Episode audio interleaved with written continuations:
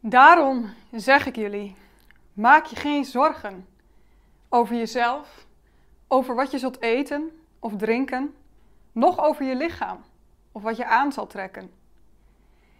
Is het leven niet meer dan voedsel en het lichaam niet meer dan kleding? Kijk naar de vogels in de lucht. Ze zaaien niet en oogsten niet en vullen geen voorraadschuren. Het is jullie hemelse Vader die ze voedt. Zijn jullie niet meer waard dan zij? Wie van jullie kan zich door zorgen te maken ook maar één L aan zijn levensduur toevoegen? En wat maken jullie je zorgen over kleding? Kijk eens naar de lelies. Kijk hoe ze groeien in het veld. Ze werken niet en weven niet. Ik zeg jullie, zelfs Salomo ging in al zijn luister niet gekleed als een van hen. Als God het groen dat vandaag nog op het veld staat en morgen in de oven wordt gegooid, al met zoveel zorg kleedt, met hoeveel meer zorg zal hij jullie dan niet kleden, kleingelovigen? Vraag je dus niet bezorgd af: wat zullen we eten? Of wat zullen we drinken? Of wat, waarmee zullen we ons kleden? Het zijn allemaal dingen die de heidenen najagen. Jullie hemelse Vader weet wel wat jullie nodig hebben. Zoek liever eerst het koninkrijk van God en zijn gerechtigheid. Dan zullen al die andere dingen je erbij gegeven worden. Maak je dus geen zorgen over de dag van morgen. Want de dag van morgen, die zorgt wel voor zichzelf. Elke dag heeft genoeg aan zijn eigen last. Matthäus 6. Als je een beetje bekend bent met de Bijbel, dan is dit waarschijnlijk een tekst die je al veel vaker voorbij hebt horen komen. Ook voor mij is dat het geval. En toch, de afgelopen week, de afgelopen weken, is deze tekst weer ontzettend bij mij binnengekomen. We hebben namelijk nogal, en met wij bedoel ik, mijn man Ben en ik, een roerige tijd achter de rug. Overwegend heel erg positief, maar er is ontzettend veel gebeurd. Het begon zo rond de zomer, toen mijn man Ben afstudeerde en op zoek ging naar werk. Vervolgens kwamen we een aantal weken later achter, aan het einde van de zomer, dat ik in verwachting mag zijn van ons eerste kindje. En ondertussen ging het zoeken naar werk door.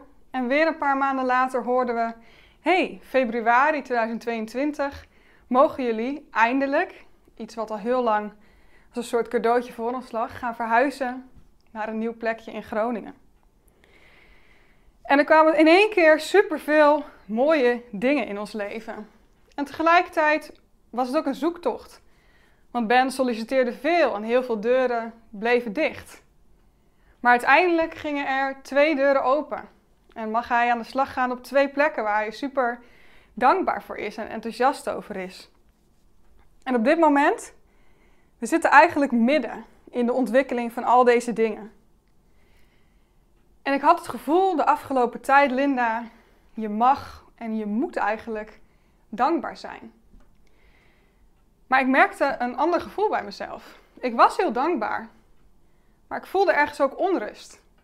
Er gebeurde zoveel tegelijk dat ik het bijna met mijn hoofd niet meer echt bij kon houden.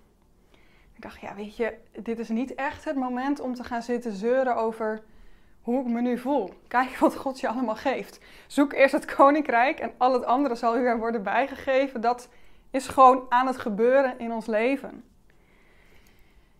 Het was niet echt het moment waarop ik dacht: ik ga met andere mensen praten over die onrust die zich toch wat in mijn hoofd afspeelt. Het gevoel dat ik misschien niet echt controle had over alles wat zo snel achter elkaar gebeurde. En dan ook nog eens een zwangerschap waar je überhaupt eigenlijk al helemaal geen controle op kan uitoefenen.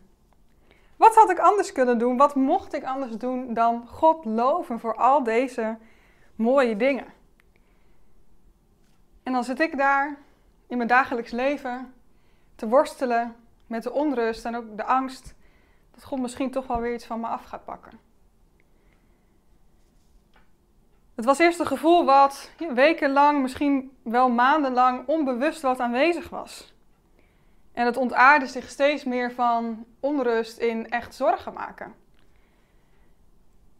Tot een moment kort geleden. Ik was een hele dag alleen thuis geweest, ik had vakantie. En ik merkte dat opgestapelde gedachten van onrust en zorgen een uitweg zochten. En ik voelde me die avond zo onrustig dat ik er helemaal een beetje van in paniek raakte en dacht: ik, ik weet gewoon niet anders wat ik moet doen dan nu, nu in gebed gaan en God zoeken. Want ik merk het enige wat me rust kan geven is zijn bovennatuurlijke rust. En het voelde ergens heel beschamend. Ik dacht, zie mij nou tekortschieten in mijn vertrouwen op God, die me zoveel mooie dingen aan het geven is.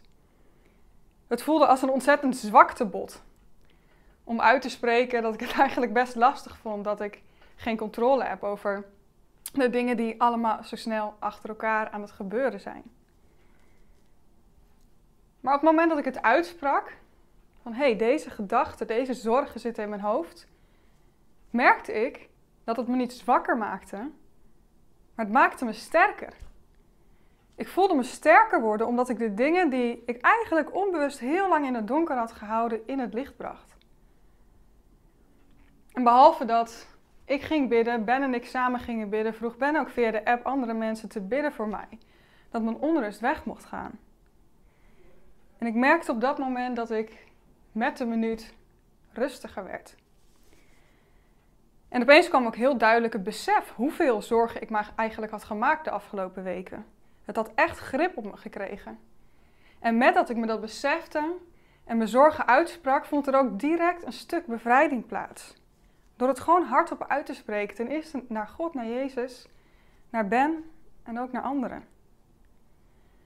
En ik bedacht me opnieuw ook weer, oh ja, Linda, je bent weer in die valkuil van jezelf gestapt. Dat jij vindt of voelt dat je altijd sterk moet zijn. En dat de dingen die misschien lastig zijn of voor jouw gevoel geen plek mogen hebben, in je gedachten, in je gevoel, dat die er ook niet mogen zijn. En dat was voor mij ook weer een reden om te zeggen: hé, hey, ik ga weer eens iemand zoeken.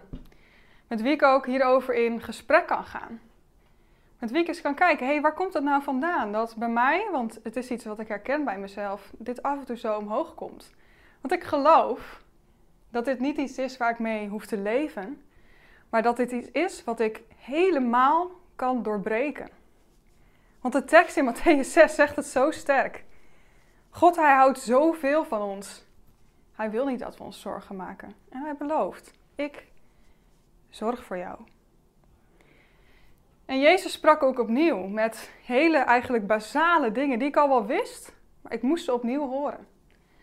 Hij bracht gedachten in mijn hoofd als Linda, kracht, het wordt zichtbaar in zwakheid. En ik heb een plan met jouw leven, met het leven van Ben en zeker ook met het leven van de baby in je buik. Ik zorg voor jullie. En zo kwam Matthäus 6 voor mij opnieuw weer helemaal tot leven en besefte ik me hoeveel ik, maar hoeveel wij, ook jij, hoeveel we waard zijn voor God. Dat Hij het ons gunt, dat we leven zonder zorgen en daarbij direct de belofte doet: Ik zorg voor je, ik ben er altijd bij. Dat is ook de vraag die ik vandaag aan jou wil stellen. Als we zo Matthäus 6 lezen, hoe luister jij daar dan naar? Ervaar jij onrust? Zijn er dingen die buiten jouw controle liggen, die je onrustig of angstig maken? Is er misschien wel angst die je vanwege schaamte bij God weghoudt? Dan zou ik je vandaag opnieuw willen aanmoedigen. Deel waar je mee zit. Deel je onrust, deel je angst. Want het gaat zoveel verschil maken op het moment of je nou vindt dat je gevoel terecht is of niet. Dat je het aan het licht brengt en het ten eerste uitspreekt naar God, naar Jezus. Maar ook naar iemand die je vertrouwt. Want op het moment dat het in het licht komt, verdwijnt de grip die de duisternis heeft op onrust. En opnieuw mogen we dan elke keer weer beseffen: kracht, het wordt zichtbaar in zwakheid. Een fijne dag.